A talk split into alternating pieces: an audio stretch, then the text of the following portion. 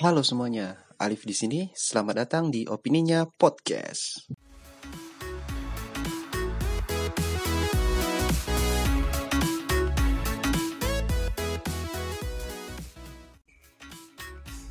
Pernikahan adalah upacara pengikatan janji nikah dengan maksud untuk meresmikan ikatan perkawinannya secara norma agama, norma hukum, dan norma sosial.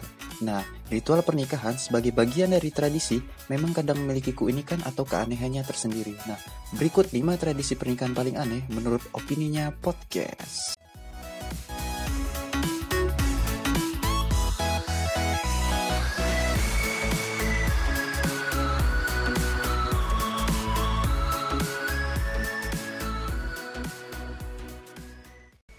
Assalamualaikum warahmatullahi wabarakatuh. Di mana pun kalian berada Selamat datang kembali di Opininya Podcast. Nah, jadi di kesempatan kali ini uh, Opininya Podcast akan membahas sesuatu yang tidak begitu penting. Iya. Padahal semua episode Opininya Podcast itu tidak begitu penting semuanya. Iya. Nah, jadi uh, episode kali ini um, Opininya Podcast akan membahas 5 tradisi pernikahan paling aneh. Oke, langsung saja. Yang pertama itu ada dari uh, suku Tidung ya, dari Kalimantan, tepatnya itu Kalimantan Utara. Nah, uh, ini ini lucu ya. Di suku Tidung, nah setelah menikah, nah um, para mempelai itu tidak boleh buang air selama tiga hari tiga malam. Waduh, gimana kalau misalnya di hari pertama, nah kita udah kebelet mau boker, kebelet mau buang air besar, nah masa harus nunggu tiga hari atau tiga malam dulu ya? Waduh, suku perjuangan yang sangat berat. Nah, uh, mungkin ini terdengar menyiksa ya, namun ritual ini sangatlah normal dan alami bagi suku Tidung. Nah, mereka percaya jika uh, tidak menjalani ritual ini maka nasib buruk akan menimpa pasangan pengantin mereka. Syarat tidak buang air ini diantisipasi dengan hanya makan dan minum itu sedikit saja. Wah gila sih.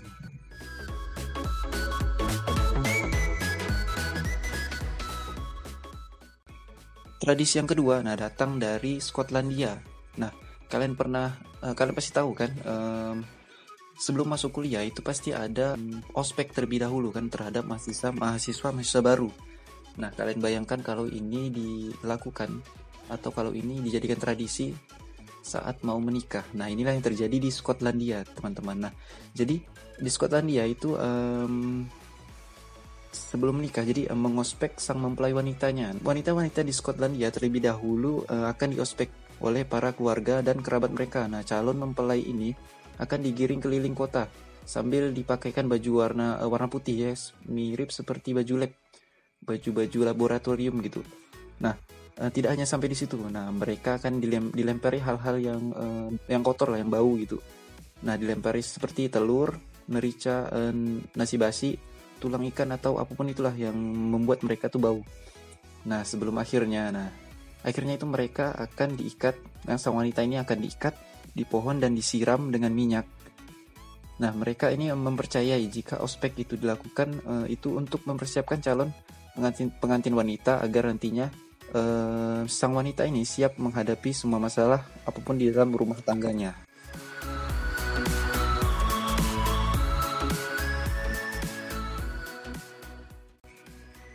Oke, tradisi yang ketiga yaitu menggemukkan paksa para calon pengantin.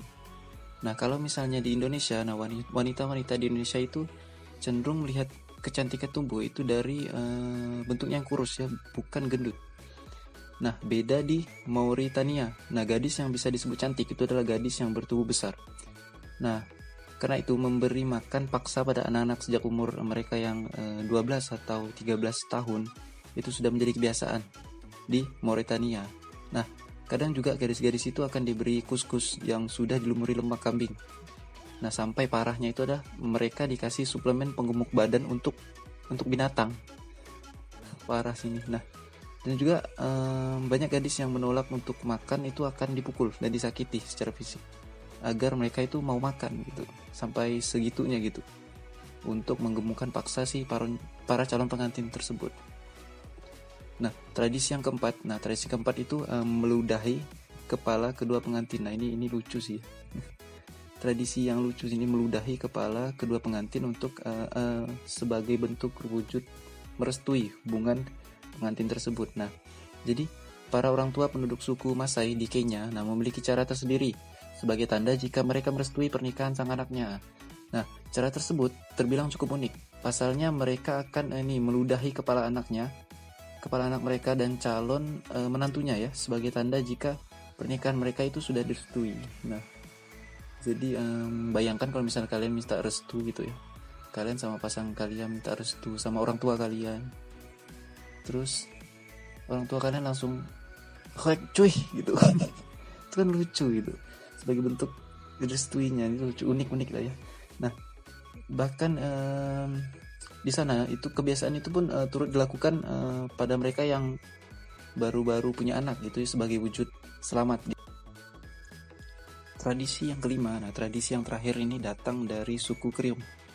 Nah ini tradisi yang paling aneh sih ya menurut saya. Nah jadi um, tradisinya itu adalah berhubungan badan sebelum menikah. Nah jadi week week week week sebelum ada ikatan pernikahan. Nah jadi ritual adat ini bermula ketika perempuan dari suku Kriong nah sudah menginjak umur 15 tahun atau setidaknya sudah menstruasi lah ya. Nah, orang tua si gadis ini nah akan membangun sebuah pondokan atau gubuk untuk kemudian ditinggal oleh sang putri. Nah, setelah gubuk tersebut didirikan, sang gadis tersebut uh, boleh mendiami mendiami gubuk tersebut atau pondokan tersebut. Nah, kemudian laki laki-laki itu boleh datang bertamu untuk mengenal sang gadis. Nah, dalam kesempatan ini, eh, laki-laki dan perempuan suku Kriong nah juga diperbolehkan tidak hanya bertamu ya juga diperbolehkan menginap bersama eh, semalam dan melakukan hubungan suami istri ya tanpa ikatan pernikahan pun boleh.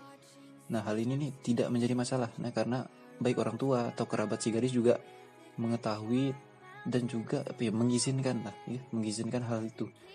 Nah namun juga tidak semua laki-laki ya tidak semua laki-laki. Nah jadi laki-laki yang um, tidak masuk kriteria si gadis juga tidak akan mendapatkan izin untuk berhubungan atau bercinta dengan gadis suku Kriung. Nah, laki-laki yang tidak masuk kriteria, nah hanya akan berbincang-bincang dengan sang gadis, nah untuk menghabiskan malam, uh, saling mengenal lah gitu ya. Nah, jadi um, anehnya nih, anehnya uh, butuh waktu lama bagi perempuan uh, suku Kriung nah, untuk mendapatkan pasangan hidup. Nah, karena wanita-wanita uh, gadis-gadis sana juga benar-benar harus memilih calon suami dengan sepenuh hati. Iya. Jadi tak jarang seorang perempuan di sana itu harus bercinta dengan banyak laki-laki. Nah, untuk menantap memantapkan pilihannya. Um, nah, cara ini memang dianggap um, melanggar norma ya. Melanggar jelas ya melanggar, melanggar norma dan etika di beberapa negara. Nah, terutama juga kan itu um, berhubungan badan dengan banyak orang jadi berisiko juga pada kesehatan seksual ya. Nah, namun suku Kriung juga uh, percaya ya, percaya uh, ini adalah cara paling efektif, cara paling ampuh agar pasangan suami istri ini bisa hidup rukun dan bahagia. Aduh, kok bisa ya? Aneh ya. Nah, jadi uh, juga ada datanya juga. Jadi nyatanya tuh tingkat perceraian di suku Kriung. Nah, karena ritual ini itu hampir mencapai 0% uh, atau tidak ada sama sekali perceraian jadi um, ritual ini juga berjalan sudah lama sih dan tidak ada satu pihak pun yang keberatan dengan ritual ini. Baik pihak si gadis maupun orang tuanya tidak ada yang keberatan. Oke, jadi itu 5 tradisi paling aneh menurut opini podcast. Nah, jadi bagaimana? Jika kalian diberi pilihan untuk menikah namun menggunakan tradisi dari salah satu dari lima uh, tradisi tersebut, nah apakah kalian tetap memilih mau menikah atau memilih menjomblo saja? Iya.